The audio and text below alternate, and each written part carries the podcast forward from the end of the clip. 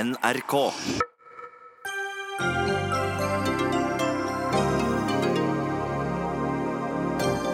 Ingen returnerer flere til et av verdens farligste land, Afghanistan, enn Norge.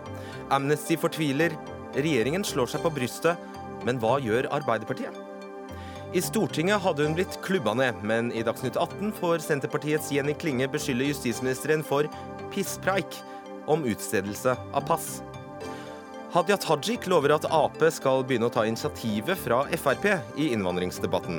Vi tester nøyaktig hvor langt hun vil gå. Og professorer ved fire universiteter reiser seg i protest mot egne rektorer. De vil ikke ha nikab-kledde studenter i sine klasserom.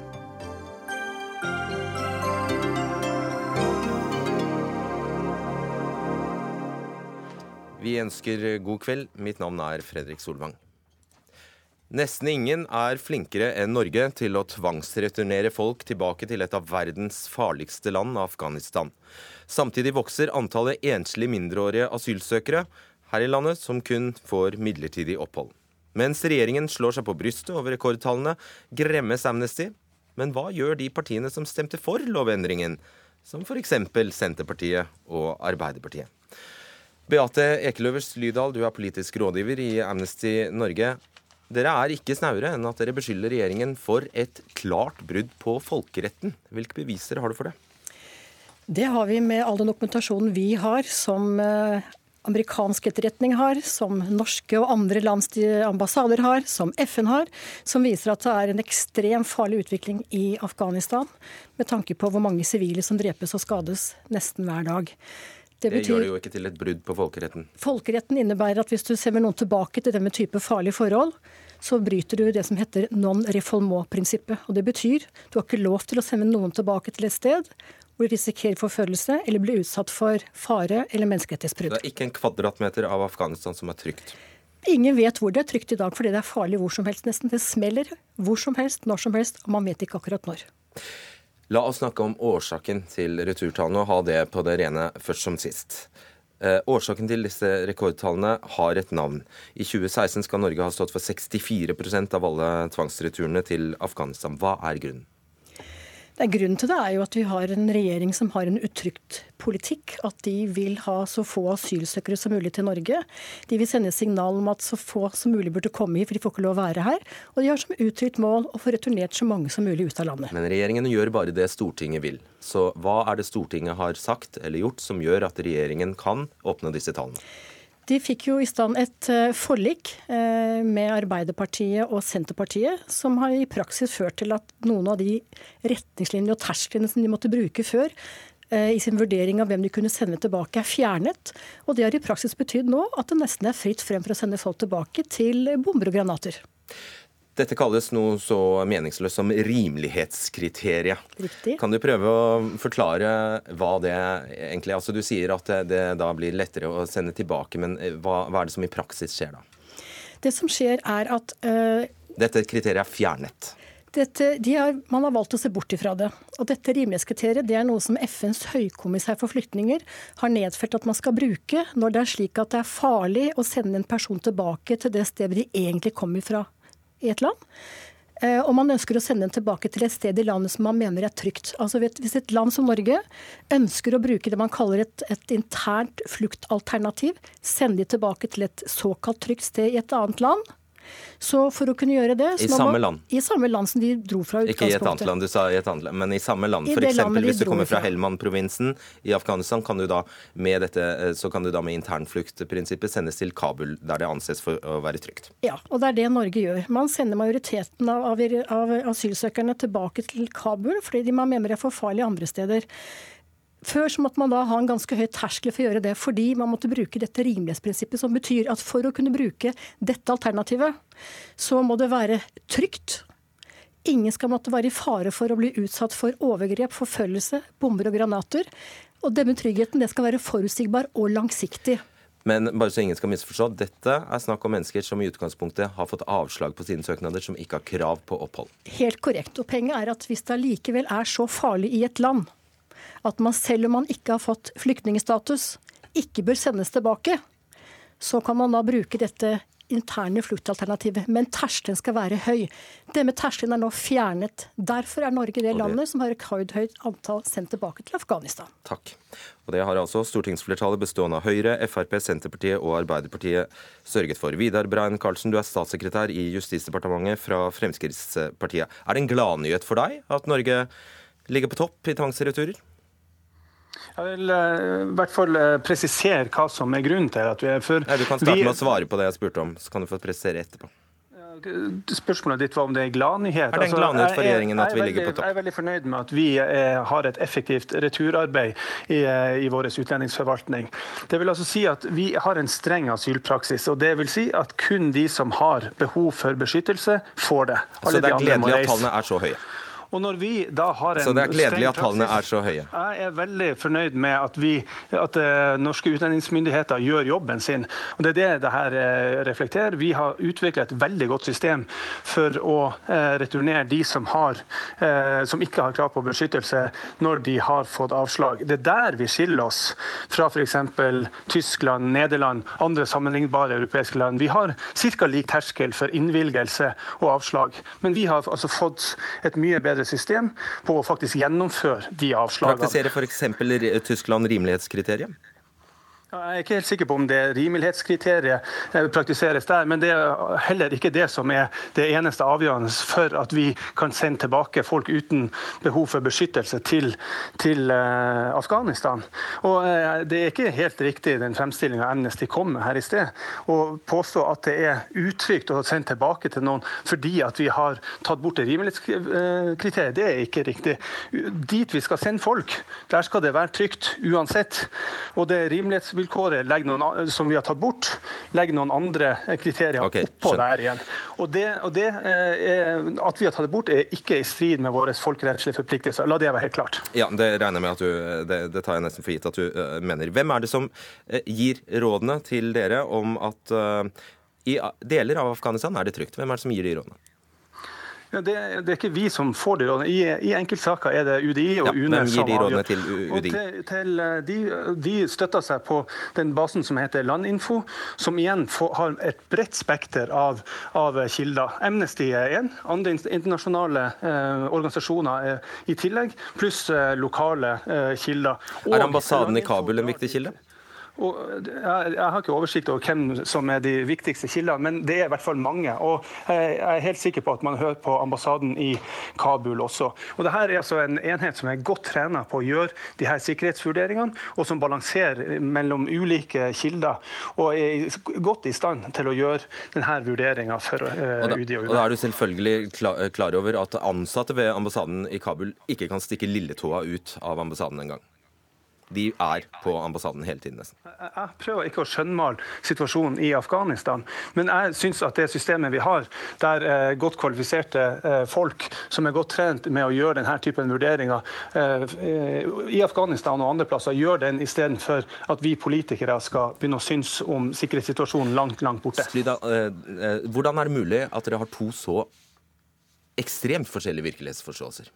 Ja, Det lurer virkelig vi på også. Fordi eh, Landinfo selvfølgelig, de har tilgang til alle de andre kildene og dokumentasjonen som Amnesty har.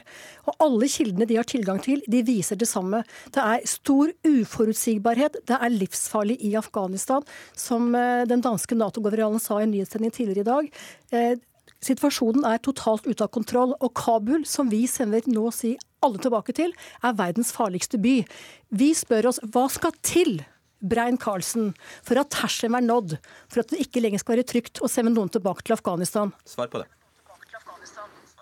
Det er jeg veldig glad for at det er UDI og UNE som, som avgjør hvor den terskelen skal gjøre. Jeg er ikke en uh, ekspert på, på øh, å, å, avgjøre når asyl bør uh, gis, når beskyttelse Du skryter av at tallene vokser, det er din fortjeneste. Men når det kommer til den konkrete trusselvurderingen, så, så toer du dine hender.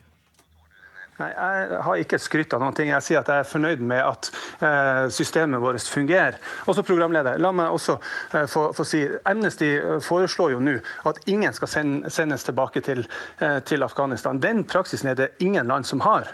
Så Amnesty er på en måte litt helt i ytterkanten på den ene sida.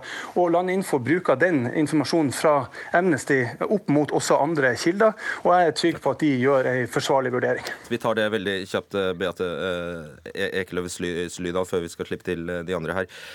Det Stemmer det at dere faktisk mener at uh, per i dags dato er alle sårbare i Afghanistan? Uh, og det vil si at du åpner dørene for 34,66 millioner mennesker? Det er jo ikke det det innebærer. Vi sier at de menneskene som nå Hvis de hadde greid å komme seg hit, så hadde det. Det er, det er helt illusoriske type argumenter som politikere kommer med gang på gang, hver gang de ikke ønsker å ta ansvar for å beskytte mennesker på flukt. Ingen land tømmes for sine innbyggere. Det har aldri skjedd. Nå er det slik at vi har mennesker som har kommet til Norge, til Europa fra Afghanistan. Amnesty krever det samme i alle europeiske land, og det er en umiddelbar midlertidig stans i retur til Afghanistan fordi situasjonen nå er for farlig. Det sier også Natos generaler. Stein Erik Lauvås, stortingsrepresentant for Arbeiderpartiet. Syns du det er bra at 64% av alle tvangsreturer til Afghanistan kommer fra Norge? Nei, jeg har ikke noe behov for å si at det tallet er bra. Burde det vært lavere? Ja, det, ja det, Jeg har ikke noe behov for å på en måte si noe om det tallet 64 Men jeg har behov for å spørre deg om det. Jo, Burde jeg... det vært lavere eller høyere, eller er det passe? Jeg har behov for å si at uh, vi har vært med på asylforliket. Uh, det var det du åpna med. Og jeg kan bare bekrefte at ja, det var Arbeiderpartiet en del av. Altså, det, ja, så ja. hvis dette er resultat av asylforliket, så er du fornøyd med det? Og, og Arbeiderpartiet har, har ført, og, og, står fremdeles for, at vi skal ha en, ha en, en, en streng linje i asylpolitikken. Og, og vi har også uh, vært de som har sagt at vi må ha en aktiv returpolitikk. De som kommer til Norge, de skal få behandlet sin søknad på en ordentlig måte, på en rettssikker, god måte fornøyd med disse tallene? De, og de som da får avslag etter den grundige behandlingen, eh, og som ikke får opphold, de må returnere. Og Det er det som skjer med disse 64 er, ja, spør, er, er, du fornøyd med det tallet, så, så, den andelen? Ja, så, reager, nei, men så reagerer jeg faktisk litt på eh, på Brian Carlsen og regjeringens representant her, som nå på en måte gjør sitt ytterste for å skyve disse ansvaret for disse sikkerhetsvurderingene fra seg. Fordi at eh, det er, i, i, det er regjeringen som har ansvaret for uh, politikken på dette området. En regjering i Norge de styrer på mange fullmakter. En av de er fullmakter overfor å instruere departementene sine på hvordan de skal tolke enkelte ting. Og Da syns jeg ikke man kan på en måte forsøke å, å, å sno seg unna og si at nei, vi, vi har ikke oversikt over sikkerhetsvurderingene. Så du insinuerer at det er farligere i Afghanistan altså, enn det Brein Karlsen uh, hevder? da? Arbeiderpartiet, det Arbeiderpartiet sitter dessverre uh, fremdeles i opposisjon på Stortinget. Så da kan du ikke mene noe om Afghanistan jo, er farlig? Jo, vi kan mene noe om det. Og, og vi mener at uh, det som er viktig, og det, og det som har vært vår oppgave, og er vår oppgave, det er å sørge for at Norge forholder seg til internasjonal lovgivning, at Norge ikke bryter folkeretten, at Norge er innafor, for å bruke det uttrykket. Syns du vi bryter folkeretten? Nei, altså, vi må, når, når, vi har spurt regjeringen om dette på ulike måter, gjentatte ganger, i likhet med en del andre partier som har gjort det, så får vi beskjed om at nei, dette er innenfor folkeretten. Og det er regjeringsapparat som, som på en måte sitter på de opplysningene og som kan ta de beslutningene. Det er vel lov å ha en mening om det? Ja, og det, vi, du klarer ikke å svare nei, på det? Men vi må, for, vi må, forholde oss til de faktagrunnlagene som regjeringen forteller oss når så, vi spør. Så, så, så, når regjeringen da sier dette er helt og fullt innenfor folkeretten, da sier Arbeiderpartiet OK? Ja, da må vi si OK. okay. Og så må vi stille spørsmålene på nytt dersom det, når det dukker opp muligheter for det. Og hvis regjeringen da fremdeles sier at nei, dette er på innsiden ja. av folkeretten, og det, og det, bekrefter de gang på gang, så, så må vi på en måte si at ja vel, da er det det. Men det er regjeringens ansvar å sørge for at det faktisk er det. Karin Andersen, stortingsrepresentant for SV, hva er det du hører fra SV? Hva er det du hører her? Nei, Først så hører jeg fullstendig ansvarsfraskrivelse fra regjeringa for å gjøre en ordentlig landvurdering sjøl på sikkerheten. For det er klart det har regjeringa ansvaret for å gjøre. Man kan ikke bare lene seg på andre. Det er altså noe massivt med rapporter fra mange internasjonale organisasjoner. Og også hvis man leser Landinfos rapporter, som jeg har lest, så viser jo alle entydig at det har blitt mer farlig.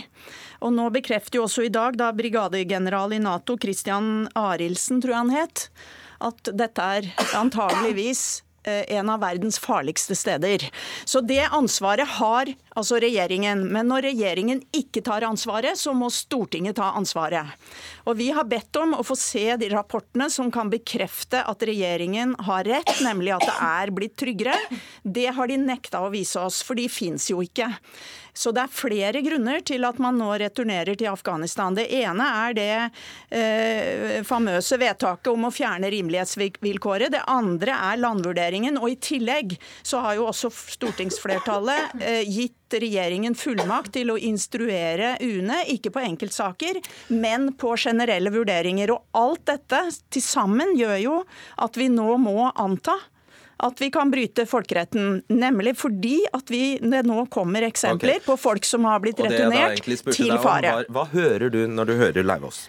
Nei, jeg hører at man ikke vil gå inn i de vurderingene som jeg mener Stortinget må gjøre. Nemlig har vi et faktagrunnlag som sier at, at det er trygt. At han, ja, at og at vi som storting også er nødt til å ta stilling til folkeretten. Vi kan ikke ensidig lene oss på regjeringen når vi på de aller fleste andre områder er fullt i stand til å kritisere dem for feilvurderinger de gjør. Neste, neste deltema her er altså de mindreårige enslige, enslige mindreårige asylsøkerne. Der har det altså eh, antallet eh, skutt i eh, været fra 15 i 2015 til 316 i 2016. Beate Ekeløve Slydal fra Amnesty, hva skyldes det? Nei, Det skyldes jo nettopp at man har fjernet dette rimelighetsvilkåret for å skulle kunne sende noen tilbake. Ja, unnskyld, jeg, og jeg glemte også å si at dette er altså de som får midlertidig opphold. Det betyr at de skal ut på dagen de blir 18 år. Mm. Ja, Og det er samme årsak, sier du? Det henger sammen. For det er klart at uh, man har ordnet det slik at man, uh, man kan uh, i redelighetens navn ikke sende unger tilbake igjen til bomber og granater. man gjør det med voksne. Eh, og Det betyr at uh, ungene som har kommet hit, de får være her. Men så fort de blir 18 år, så skal de sendes ut av landet. Tidligere så var det slik at før de kunne gjøre det, så måtte de ta denne rimelighetsfordelingen som jeg snakket om. Og det er er det trygt å sende dem tilbake dit de skal? Er tryggheten varig? Er det ingen fare for at de kan bli utsatt for bomber og granater eller menneskerettighetsovergrep? Dette har de fjernet. Og det betyr nå en masse at så fort disse barna blir 18 år, så skal de ut av Norge. Er du fornøyd med det da, Stein eh, Erik Løvøs? Nei, altså eh, vi har, eh, vi, har, vi har, mange diskusjoner på dette temaet. og Da får jeg gå tilbake til landsmøtet til Arbeiderpartiet, som var i april i, i år og, og bruke litt, uh, bare litt tid, om jeg, om jeg, får lov til å sitere kort noe av det som landsmøtet vårt sa. Da vet du at du må sa. være kort. Ja, ja, ja, jeg skal forsøke å være kort. Og, og det er vanskelig, for at dette er kompliserte saker. ikke sant? Så vi skulle ja, egentlig hatt flere timer. Men... Nei, nei, men altså der sa, Unnskyld. Der sa landsmøtet vårt at vi vil at i behandlingen av søknader om opphold fra denne gruppen, altså enslige mindreårige asylsøkere, skal inngå en vurdering av sårbarhetskriterier som skal legges til grunn for forvaltningens vedtak i forhold til unge som mangler omsorgspersoner, nettverk og eller ressurser i hjemlandet.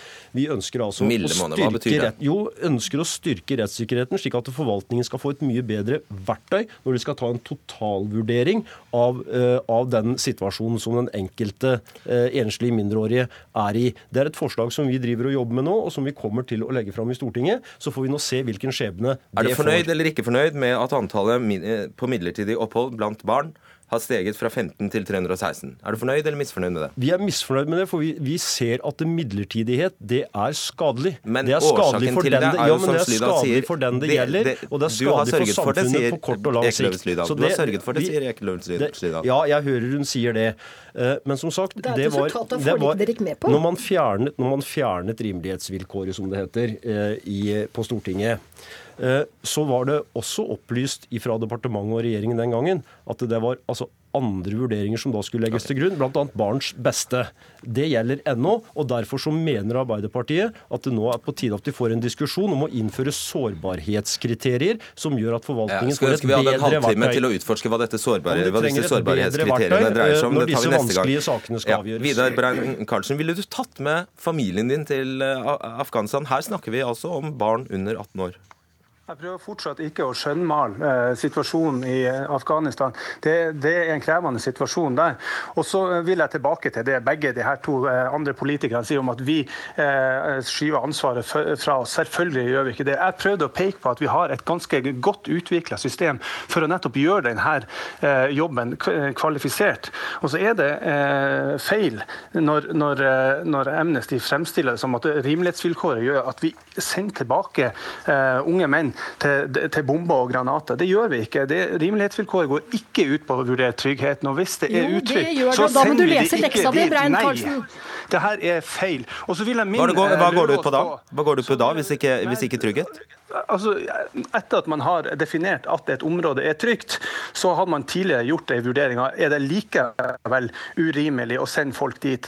Men, og det, det, vil altså si at når ja, det er trygt, og hvis du har for lite nettverk f.eks., så, så, vil det, eh, så, så, kunne man tidligere la være å, å, å sende folk dit. Nå gjøres den eh, rimelighetsvurderinga etter eh, en annen bestemmelse, nemlig i forhold til om man får opphold på humanitært grunnlag. Og så vil jeg minne Løvaas på at regjeringen regelen som gjorde at enslige mindreårige eh, får utsatt eh, utsendelse, som det i realiteten er, de som er 16-18 år, det var det altså Arbeiderpartiet som innførte. Og jeg hører at han er ikke like høy og mørk nå lenger. Nå skal de innføre... Ja, jo, men, altså, Nei, ja. men vi må i hvert fall være enige om det, eh, Brein Karlsen og, og dere andre, at det, det er jo regjeringens ansvar å redegjøre for hvilke sikkerhetsvurderinger som gjøres, og hvilken praksis regjeringen legger seg på. Det kan ikke være opposisjonspartienes jobb å gjøre.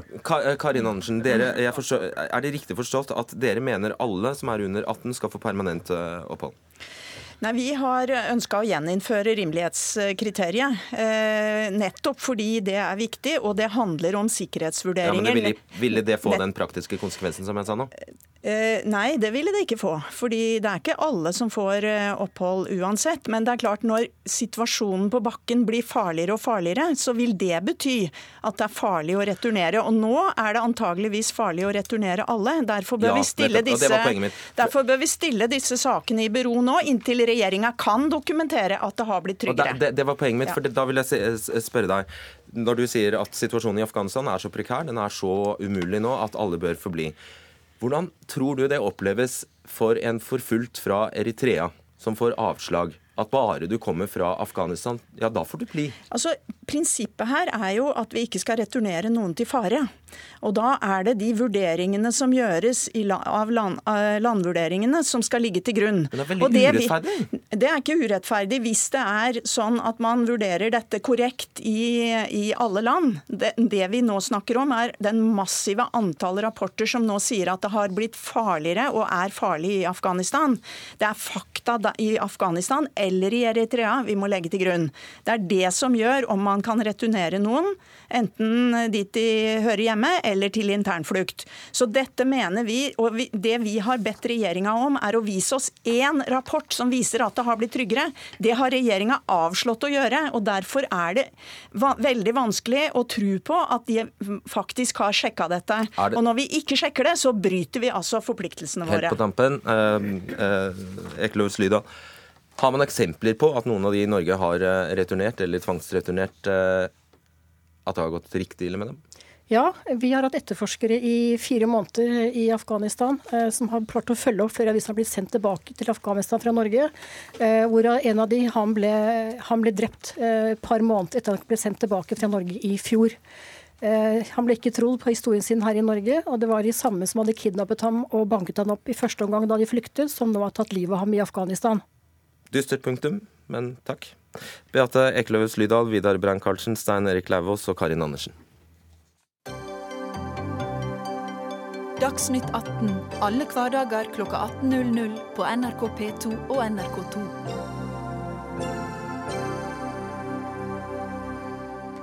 Senterpartiet og Frp krangler igjen om sentralisering, og denne gangen om pass.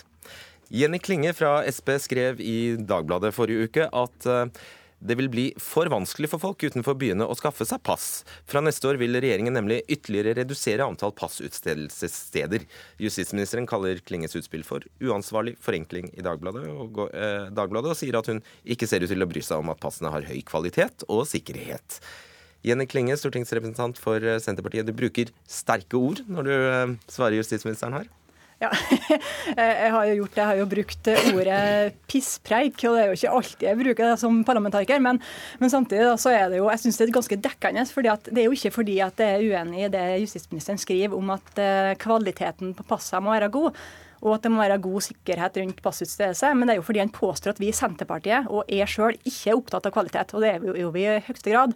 Og Vi har jo en statsråd som har brukt den tida siden han kom i stolen til å si gjentatte ganger at Senterpartiet lever på 50-tallet, at vi er mot all utvikling og modernisering, og nå senest ikke opptatt av kvaliteten på passa. Så da fant jeg det for godt å bruke det ordet. Og Vi må jo minne om at det også er etnisk nordmøring, og sånne ord kan da gjerne komme. Og jeg tror justisministeren er, er etnisk lov. nordlending, og da må jo det meste være lov, ja. I hvert fall her. Du hadde blitt klubba ned i Stortinget, det vet du. Per-Willy Amundsen, justisminister fra Fremskrittspartiet. 122 lensmannskontorer eh, skal nedlegges. Eh, nå eh, skal du altså sentralisere passutstedelsen. Og din hovedbegrunnelse for det er? Sikkerhet. Det har kommet mye kritikk tidligere år mot kvaliteten på norske pass. Riksrevisjonen hadde en ganske knusende gjennomgang tilbake i 2015 Eh, mot kvaliteten på norske pass. Hva da, At vi var lurvete? At det var dårlig papirkvalitet? Nei. Sikkerheten rundt norske pass. Også internasjonale sammenligninger så har det fremkommet mye kritikk. Derfor har vi satt i gang et veldig stort arbeid nettopp for å heve kvaliteten på norske pass. Ja, Men jeg skjønner ikke hva du mener med kvalitet. Kvalitet? Jo, altså det er jo det handler om at norske pass som eh, dokument ikke blir misbrukt i kriminell øyemed. At de er dårlig laminert? Eller? Nei, det handler om kvaliteten på altså, sikkerheten rundt pass, utstedelse av pass, at det ikke misbrukes. Altså identitetstyveri. Eh, det handler om eh, bruk i kriminalitet, det kan brukes til trygdemisbruk. Eh, I ytterste konsekvens kan det brukes som virkemiddel i terrorisme. Derfor er vi helt avhengig av at vi har god kvalitet på norske pass. Det handler selvfølgelig om passet i seg sjøl, som vi har eh, mye sikkerhet rundt i dag. Det er langt bedre pass som utstedes i dag. Vi får også på plass bedre kontrollmekanismer på, ta, på pass. Men den største utfordringa dette med svakeste, å gjøre stedene færre å gjøre? Hvis jeg får lov å fullføre ja, okay. resonnementet. Du er litt ivrig nå. Eh, så er det altså sånn at eh, utstedelsen av pass er det svakeste leddet. Eh, og at man da ikke utstede et eh, korrekt pass, altså et, et eh, norsk eh, riktig pass, til en feil person. Og Der må vi sørge for at vi har kvalitet rundt utstedelsen av pass. Det handler om at eh, de stedene hvor man utsteder pass, er fysisk sikre, at vi har informasjonssikkerhet på de plassene. Men ikke minst så handler det om at de personene som utsteder pass, har kompetanse til å gjennomføre det og kan avsløre forsøk på å jukse til seg et eh, norsk pass på uriktig vis. Ok, Hvis jeg er ivrig, så er du langvarig, skal jeg si det. Men egentlig, ok, dette, ingenting trumfer dette et sikkerhetsargument. Altså, jeg har jo til gode å høre at det er forskjell på kvaliteten på utstedelsen i by og land. At f.eks. et eh, pass som blir utstedt i Trondheim skal være så mye bedre enn et som blir blir utstedt i hjemkommunen min, som er Surnadal. Eh, så det er det første jeg mener at regjeringa må vise, at her er det faktisk en stor forskjell. Det andre er jo eh, noe opplagt, det er at hvis at utstyret er viktig, eh, hvordan utstyret på passutstedelsene Maskinen, liksom? Ja, maskinene. Hvis de er viktige, og hvis opplæringa er viktig, så kan jo det det, det er jo være opp til hvor mye penger vi ønsker å bruke på det. Vi i Senterpartiet mener at det er verdt å bruke penger slik at en får bra nok utstyr og bra nok opplæring, sånn at en kan ha da, gode nok pass i hele landet. I en state Fordi... of the art passmaskin på hvert et nes? Liksom. Nei, men ikke på hvert et nes. Husk vi skal legge ned 122 lensmannskontor det er mange passmaskiner som allerede forsvinner. Og I tillegg vil altså regjeringa nesten halvere enkelte politidistrikt antall plasser som en skal utstede pass. Det... Og en må jo huske på da, at er, Her er det jo snakk om at en skyver utgifter vekk fra staten over på enkeltpersoner og næringsliv og arbeidsgivere, fordi at en må bruke mye tid enkelte plasser. Må en faktisk ta fri en hel dag for å skaffe seg pass. Har en unger, så blir det i praksis mange ganger i løpet av en periode at en må bruke mye tid, som en i dag slipper å bruke. Og Det mener vi i Senterpartiet er utidig. Men for det første eh, så gir du inntrykket nå av at det utstedes pass overalt. Det utstedes pass i dag på eh, rundt 150 lokasjoner i Norge.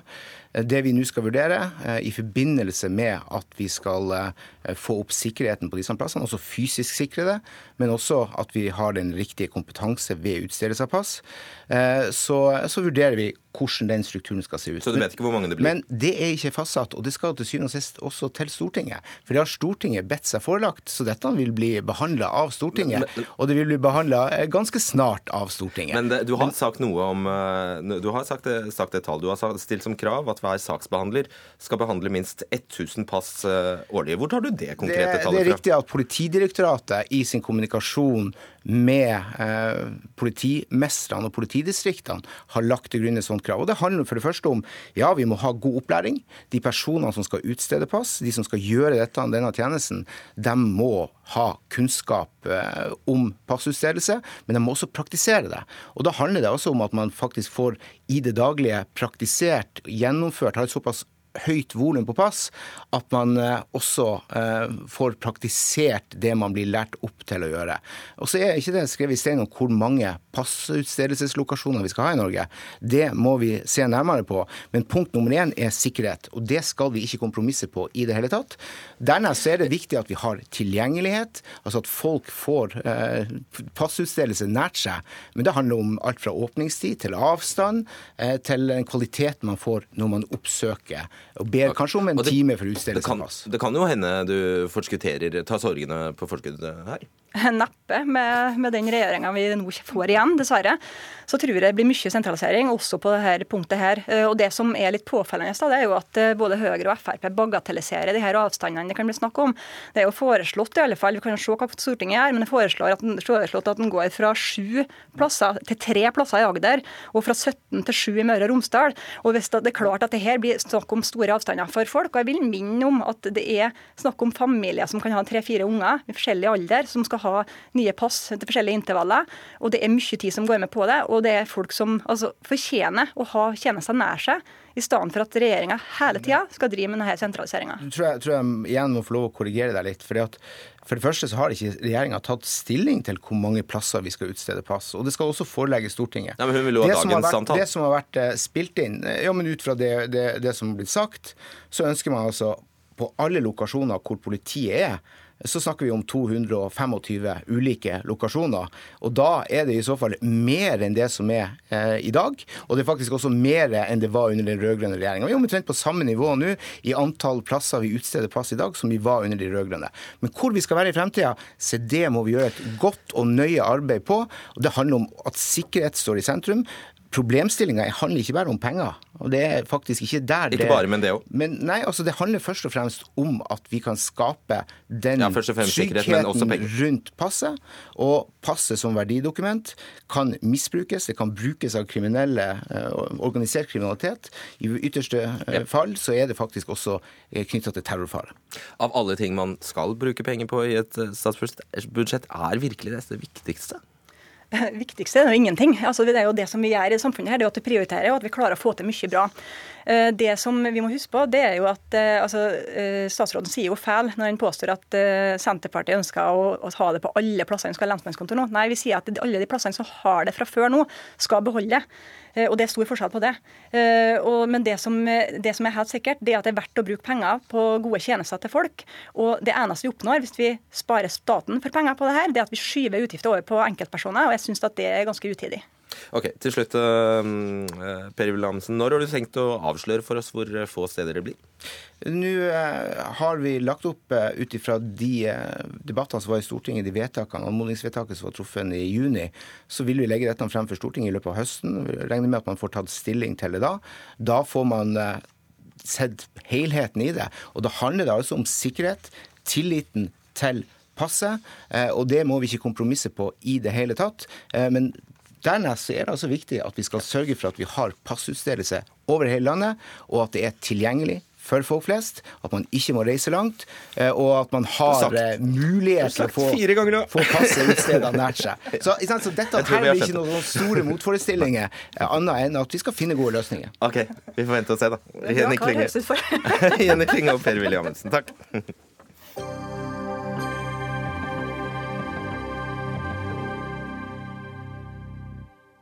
Det blir fortsatt vasket og ryddet etter valget i Arbeiderpartiet. Eh, og nå er det Hadia Tajiks tur. Til Klassekampen eh, sa hun at eh, venstresida har vært for veik i innvandrings- og integreringsdebatten, og hun varslet også at Arbeiderpartiet skal være kritiske til kjernen i EØS, nemlig fri flyt av arbeidskraft. Velkommen hit, Hadia Tajik. Takk skal du ha. Sorry. Nestleder, ja, nestleder i Arbeiderpartiet. Vi skal konsentrere oss om, eh, mest om innvandring og integrering. Og jeg skal ta deg på ordet når du sier at det skal bli en slutt på at folk opplever at Frp snakker om disse tingene, og at Ap må inn i disse debattene og sette dagsorden. I en debatt i Danmarks eh, Radio tordnet lederen for Aps søsterparti Sosialdemokratiet, Mette Fredriksen, at integrering handler om religion. Og vi skal høre bitte litt av det hun sa. I dag er det jo sharia-domstol. Der er jo i dag muslimer i Danmark der ikke respekterer det danske rettssystem, som kører efter deres egne spilleregler. Det er jeg dybt imod. Der er kvinder, der i dag er ikke, en, der ikke er en del af arbejdsmarkedet, fordi deres religion tilsiger, at det skal de ikke være. Det er jeg imod. Der er unge piger i dag, der er underlagt en så massiv social kontrol, så det var det, vi burde demonstrere imod. Vi er enige. Og sige, at når man er i Danmark, så er religion underordnet demokratiet og de politiske beslutninger. Vi vil ikke have sharia-domstol. Er du enig med Fredriksen i at integrering handler om religion, og at det også i Norge finnes muslimer som ikke respekterer det norske rettssystemet? Ja, det er jeg helt enig i. Altså, religion har betydning for integreringen. Eh, det kan finnes eh, dypt konservative tolkninger av ulike religioner som legger begrensninger på kvinners muligheter til å delta i arbeidsliv, delta i samfunnsliv, ta posisjoner. Eh, det er ingen tvil om at det finnes en religiøs praksis, ikke minst blant muslimer, som begrenser kvinners mulighet til å ta ut skilsmisse. Eh, og vi ser jo i flere land, eh, bl.a. i Storbritannia, at det har vært et ønske om at det har blitt lagt til rette for at man har sharia-domstoler, altså et parallelt juridisk lovsystem eh, ved siden av det britiske lovsystemet. Og la meg være klar og tydelig, det er jeg imot. Det mener jeg at vi aldri må finne på å åpne opp for i Norge. Det vil undergrave norsk lov og norske rettsprinsipper. Har du tordnet på denne måten? Har du eller noen andre i Arbeiderpartiet tordnet på denne måten? Sånn som Mette Fredriksen gjør? Mm. Uh, ja, vi har jo det. Altså, Martin Kolberg uh, for eksempel, hadde jo et veldig tydelig oppgjør med det som finnes av radikal islamisme. Det er jo noen år siden, men uh, han, uh, han torden jo. og det gjør Mette Fredriksen. og kanskje tordna jeg litt sjøl òg, når jeg satt her i studio. Aftenposten skrev i februar om Aisha som i to år hadde forsøkt å bli skilt fra ektemannen som hun var gift med etter sharialovene. Hun må da ha tillatelse fra mannen, som nekter. Så går hun til eh, Tawhid-moskeen i Oslo, som sier at de kan ikke hjelpe henne, og at hun må til en islamsk domstol i Libanon for å bli skilt. Dette skjer altså i Norge. Hva vil du gjøre med det? Jeg mener at det er helt uakseptabelt når eh, damer som Aisha ikke får eh, skilsmisse. Problemet her er jo at man eh, helt åpenbart har noen parallelle samfunn som ikke anerkjenner norsk lov. Dette er, Jeg kjenner ikke hennes situasjon konkret, men jeg vet jo om damer som opplever at de får innvilga skilsmisse etter norsk lov, mens man i det muslimske miljøet sier at nei, hos oss så holder ikke det. Du må ha en, en religiøs altså bekreftelse på at du er skilt i tillegg. Dette er jo noe som organisasjonene kunne gjort. altså De kunne tatt et oppgjør med disse tingene. Så det at det er en norsk muslimsk organisasjon som prøver å sende til en sharia-domstol, det syns jeg ingenting om. Og jeg mener uh, at vi godt kan diskutere uh, om det finnes noen offentlige sanksjoner uh, for den type atferd. Nå er ikke det, det, det er Ta fra dem statsstøtte? Altså, Jeg er åpen for å diskutere ulike forhold. Jeg mener i hvert fall ikke at det er akseptabelt at man sender videre kvinner som Aisha til en sharia-domstol. Mm. Så hevder Fredriksen, det hørte du vel kanskje ikke her, men hun hevder altså at en del muslimske skoler må, i Danmark må stenges. Bør loven i Norge tydelig forby muslimske skoler av integreringshensyn? Jeg kommer jo fra et parti som er veldig eh, kritisk til eh, private skoler eh, som er segregerende. Det vet jeg, men ja. dere vil ikke forby. Nei, men eh, La meg fullføre resonnementet. fordi Ofte når vi snakker om private skoler, så snakker vi om kommersielle privatskoler. Men la oss gjerne få snakke om religiøse private skoler òg. I Norge er det jo sterke tradisjoner for at man har en del kristne private skoler. De har man hatt i mange år. Og man, man ser ikke den samme enhetlige eh, elevstrukturen, da. Så det er litt ulike elevbakgrunner blant de som går der. Mens eh, når det har vært diskutert muslimske skoler, så vil jo det være skoler der, det, der ungene eh, har stort sett en annen etnisk bakgrunn enn det norske. Og jeg mener at det vil kunne være et integreringsproblem. Eh, generelt, hvis man åpner opp for dette her eh, i, i stor grad. Jeg mener at det, i, eh, det, er ingen tvil om at det vil være et integreringsproblem for de elevene som går på denne skolen. Mm. Men vil det forby det? Altså, Jeg ønsker i hvert fall ikke at det er noe man skal ha i stor skala. Og jeg mener at integreringshensyn skal være nok til at man sier nei til søknader om flere private skoler. Så så tydelig som Fredriksen er du ikke? Altså, Jeg tror jeg er ganske tydelig. Jeg ja, hun sier forby. Ja, da må vi forby alle religiøse skoler. Og det vil få ganske store konsekvenser for katedralskoler og tradisjonsrike kristne skoler. Så der er ikke jeg. Men jeg mener jo at de muslimske skolene de skiller seg fra de kristne skolene.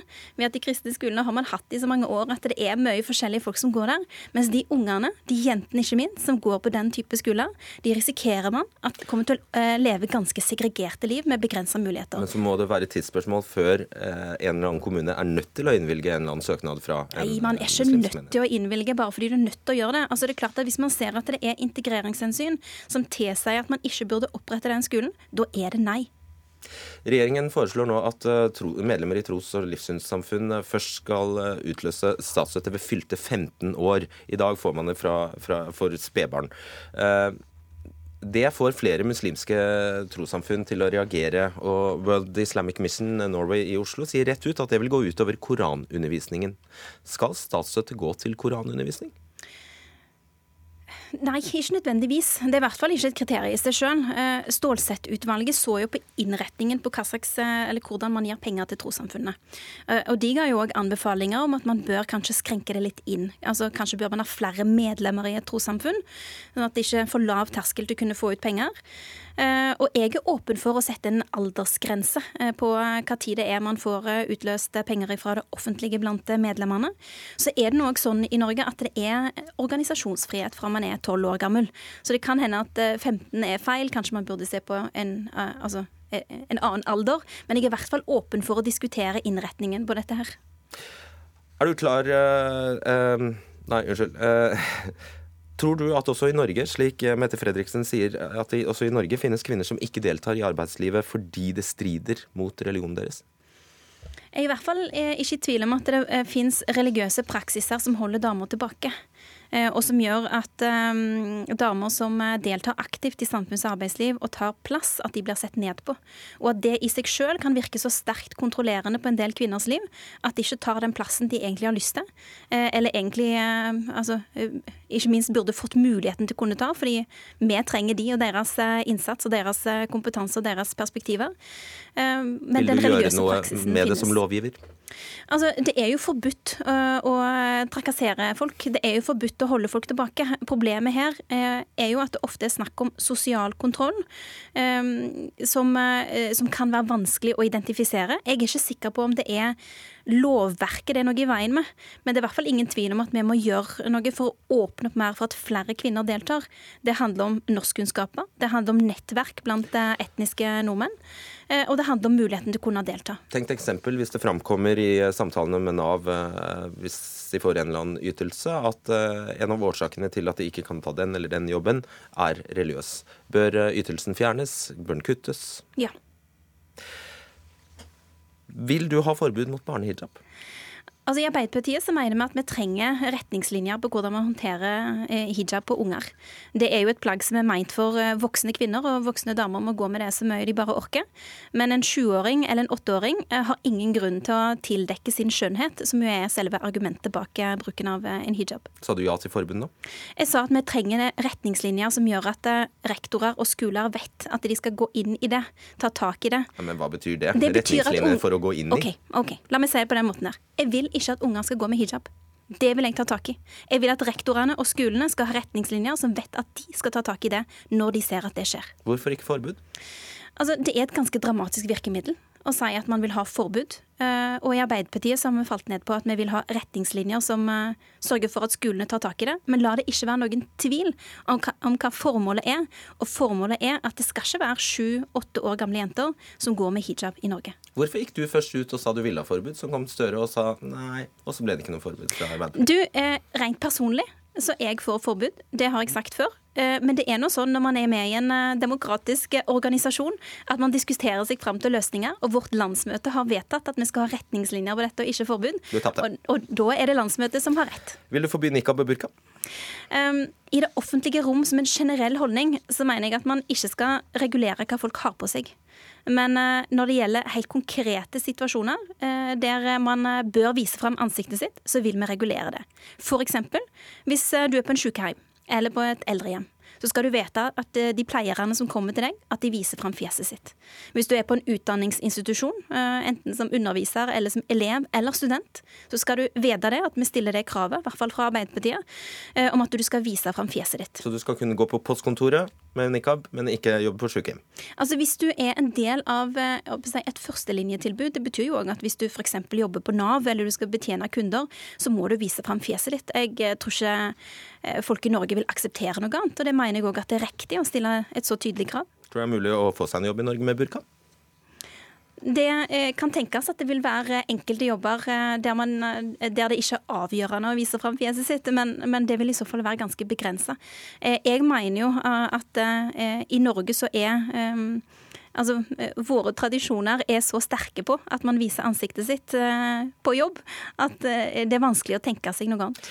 Dere har, dere har, gjort dette skillet mellom det offentlige rom og institusjoner. Arbeiderpartiet tok faktisk initiativ til et nasjonalt forbud mot nikab og burka i eh, barnehager, skoler, universiteter og høyskoler. Syns du dette forbudet skal gjelde på eh, foreldresamtaler?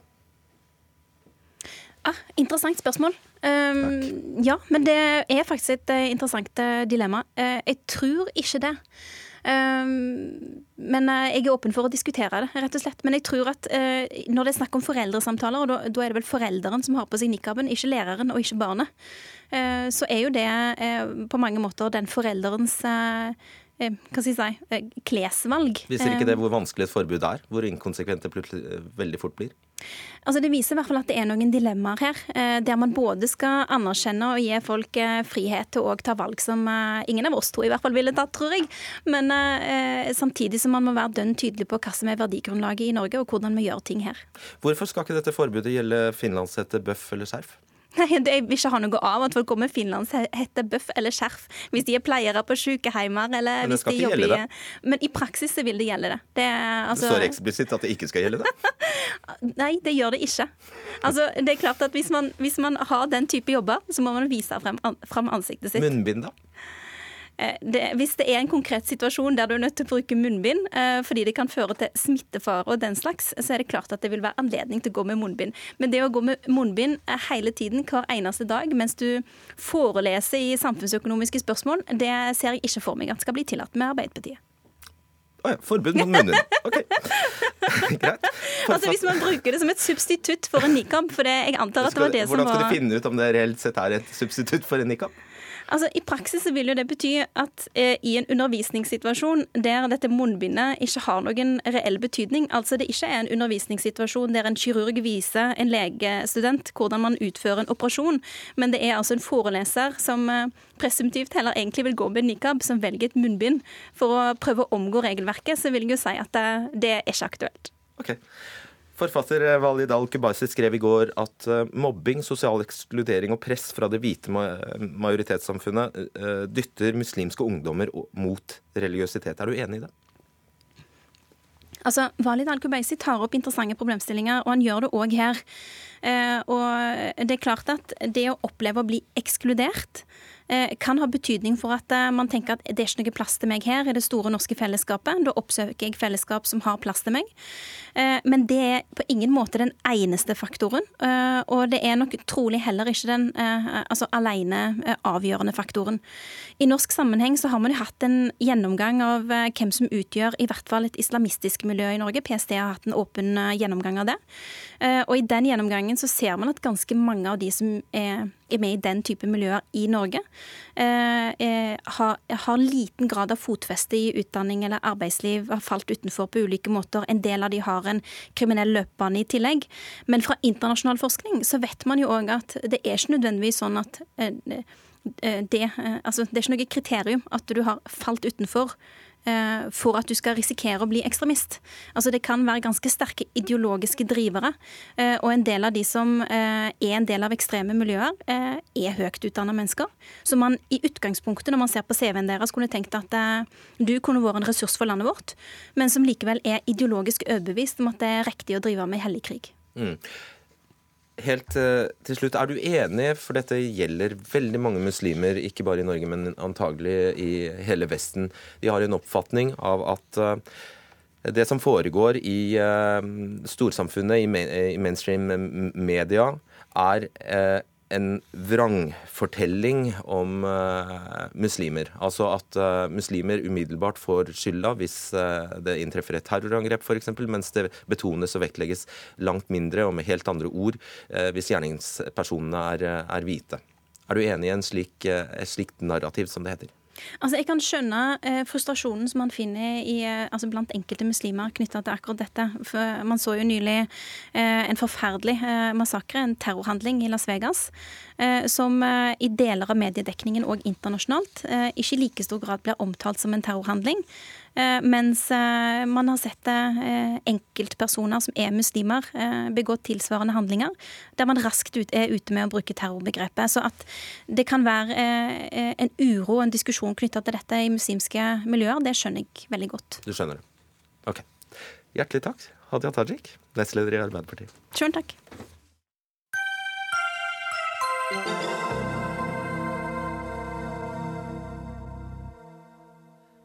Regjeringen vil innføre et forbud eh, mot plagg som helt eller delvis dekker ansiktet i barnehager utdanning og utdanningsinstitusjoner. Og Da forslaget var ute på høring, gikk sju av åtte universiteter imot forslaget og sa de ikke ønsket et slikt forbud. Problemet var bare at de ikke hadde full støtte fra de ansatte. For i dag skriver 34 framstående akademikere ved universitetene i Oslo, Bergen, Trondheim og Tromsø at ansiktsdekkende plagg bør forbys ved utdanningsinstitusjonene, fordi det gjør jobben vanskelig og ødelegger universitetskulturen, faktisk. Jens Haugstad, professor ved Det humanistiske fakultet ved Universitetet i Oslo. Du har tatt initiativet til dette innlegget. Hva er det ved kulturen ved universitetene som blir ødelagt? Ja, universitetene har jo opparbeidet seg en kultur hvor vi diskuterer. Og vi diskuterer på måter som er veldig sjeldne å se ellers i samfunnet. Hvor diskusjoner er et samarbeid hvor vi prøver å komme frem til en sannhet. Det er ikke som i politikken hvor vi ofte slår hverandre i hodet, og det ender opp i krangel ofte. Eh, så på universitetene har vi et helt unikt fellesskap hvor vi har en form for tillit som ligger til grunn for diskusjonen. Og det vi er bekymret for, er om denne tilliten vil bli undergravet hvis vi slipper inn eh, mennesker som har dekket til ansiktet. Og det gjelder også du trenger å ha tillit til hun som sitter helt øverst der oppe i auditoriet, og som du uansett ikke klarer å se ansiktet til? Eh, vi har jo tatt opp det med forelesning, fordi det er noen som tror at forelesninger, der kan man blåse i et sånt krav. Det er ikke det viktigste. Det er seminarer og eh, veiledning som er det sentrale i dette spørsmålet. Men også i forelesning er vi avhengig av ansiktskontakt.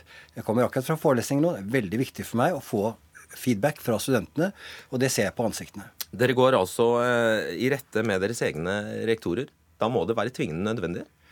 Det var eh, veldig stor oppslutning om dette, spontan oppslutning. Så det er mange som har bekymret seg i lang tid.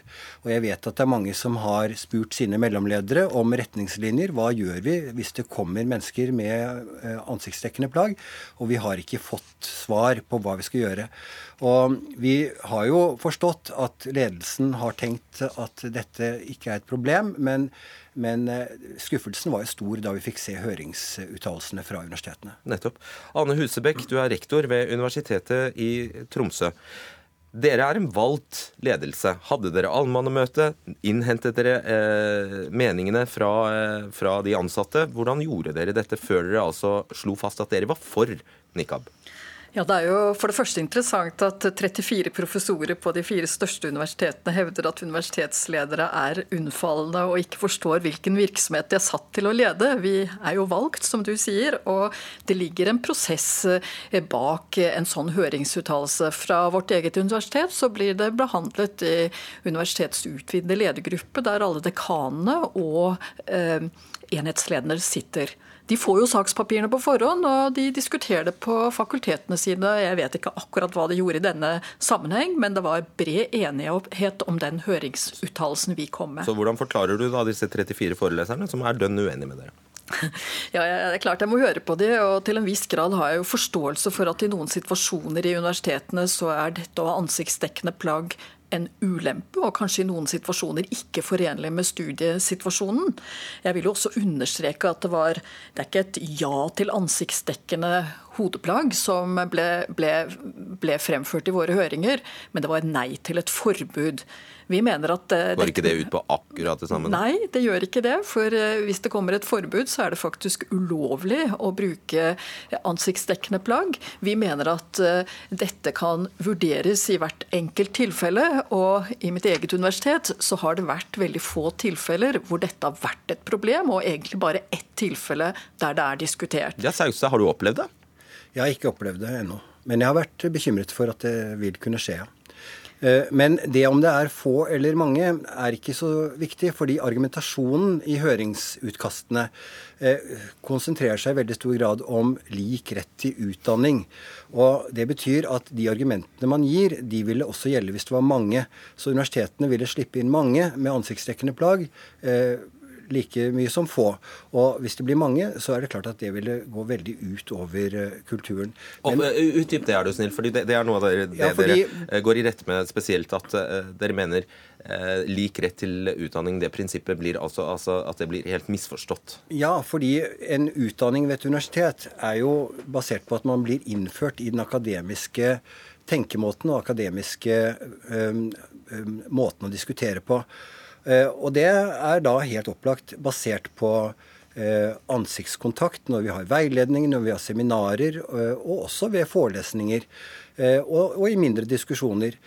Så dette bryter med det, med det, prinsippet, og dermed så vil ikke studentene bli innført i universitetets eh, måte å tenke på. Så det vil egentlig ikke bli en universitetsutdannelse hvis man innfører dette prinsippet. Skjønn, eh, Ser du det poenget, Husebekk? Eh, nei, ikke helt. Det må jeg innrømme. Eh, for det første så er det jo sånn at det er mange studenter vi ikke ser. Fordi nettstudenten er en ganske vanlig student i det moderne universitetssamfunnet. Og det som heter Massive Open Online Courses er på verdensbasis en stor bedrift. Sånn at vi ser ikke alle våre studenter. Jeg mener at det er kun skikkethet Eh, og mangel på studiekompetanse som gjør at vi kan holde studenter ute av våre universiteter. Eh, og denne gruppen med kvinner som er tildekket, vil jo sannsynligvis ikke ha mulighet til universitetsutdannelse hvis de blir nektet å komme inn på campus med ansiktsdekkende plagg. Og så vil jeg understreke at i noen studieretninger er det helt opplagt at man ikke kan tillate ansiktsdekkende plagg, og det kan universitetene vurdere.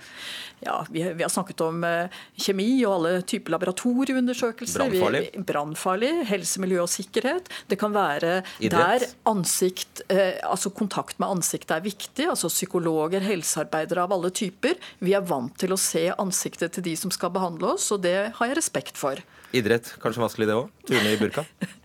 Ja, Vi har jo sett noen kreative forsøk på å lage utstyr også for de som har ansiktsdekkende plagg. Jeg, ja, jeg syns jo dette blir egentlig litt useriøst. Et eh, nettuniversitet Vi kan ikke tenke oss fjernundervisning gjennomført slik at det erstatter det universitetet vi har. Det er et supplement. Eh, så det er et veldig viktig poeng å holde fast ved at man kan ikke, eh, man kan ikke komme trekkende med, med, det. Så er det i tillegg eh, Du sier at vi stiller kompetansekrav ved universitetene. Det gjør vi. Hvorfor kan vi ikke da stille krav til vilje til å ta del i det akademiske fellesskapet? Eh, et ansiktsdekkende plagg det uttrykker en manglende vilje til å ta del i den virksomheten som er definerende for universiteter. Hvordan vet du det? Det er jo klart at I og med at virksomheten er basert på at vi har personlige samtaler sånn som nå, eh, at vi har ansiktskontakt, så vil jo det å stille opp med et ansiktsdekkende plagg helt klart være uttrykk for at man ikke vil inn i dette. Man kan jo tenke seg nå hvordan rektor ved Universitetet i Tromsø ville ha reagert hvis medlemmer i universitetsstyret stilte opp med finlandshette på møtene. Eh, ville hun tolerere det? Ville det være akseptabelt? Jeg tror ikke det. Du, uh, Husebekk, i, i Universitetet i Tromsøs høringssvar så viser du til Universitets- og høgskolerådets høringssvar. og det, De skriver at utdanning er et av de viktigste tiltakene for å oppnå uh, integrasjon og tillit i det norske samfunnet. På hvilken måte mener du nikab og burka bidrar til tillit og integrering? Det er, helt, eh, det er, en måte å se problem på fra en helt feil side. Det er klart at Vi vil aldri oppleve at majoriteten eller et stort flertall av våre studenter bruker ansiktsdekkende plagg. Foreløpig er det en bitte liten minoritet som gjør det. og som sagt, det er noen studier hvor det ikke går. De aller fleste studiene kunne gjennomføres. Og jeg må jo minne Saugstad på at det fins universiteter i andre land som gjennomfører klassiske universitetsstudier hvor alle kvinnene har tildekket ansikt. Svarer du på 15 sekunder, Saugstad? Eh, I vår universitetstradisjon i Amerika og i Europa så er det ikke tilfellet. Der er den ansiktsbaserte samtalen helt sentral. Og det kan ikke en rektor ved et universitet i Norge egentlig snakke seg bort fra. Takk skal dere ha, Jens Haugstad og Anne Husebekk, for at dere avsluttet eh, denne utgaven av Dagsnytt 18 for oss. Ingebjørg Sæbu, Lisbeth Seldreite og Fredrik Solvang takker for følget.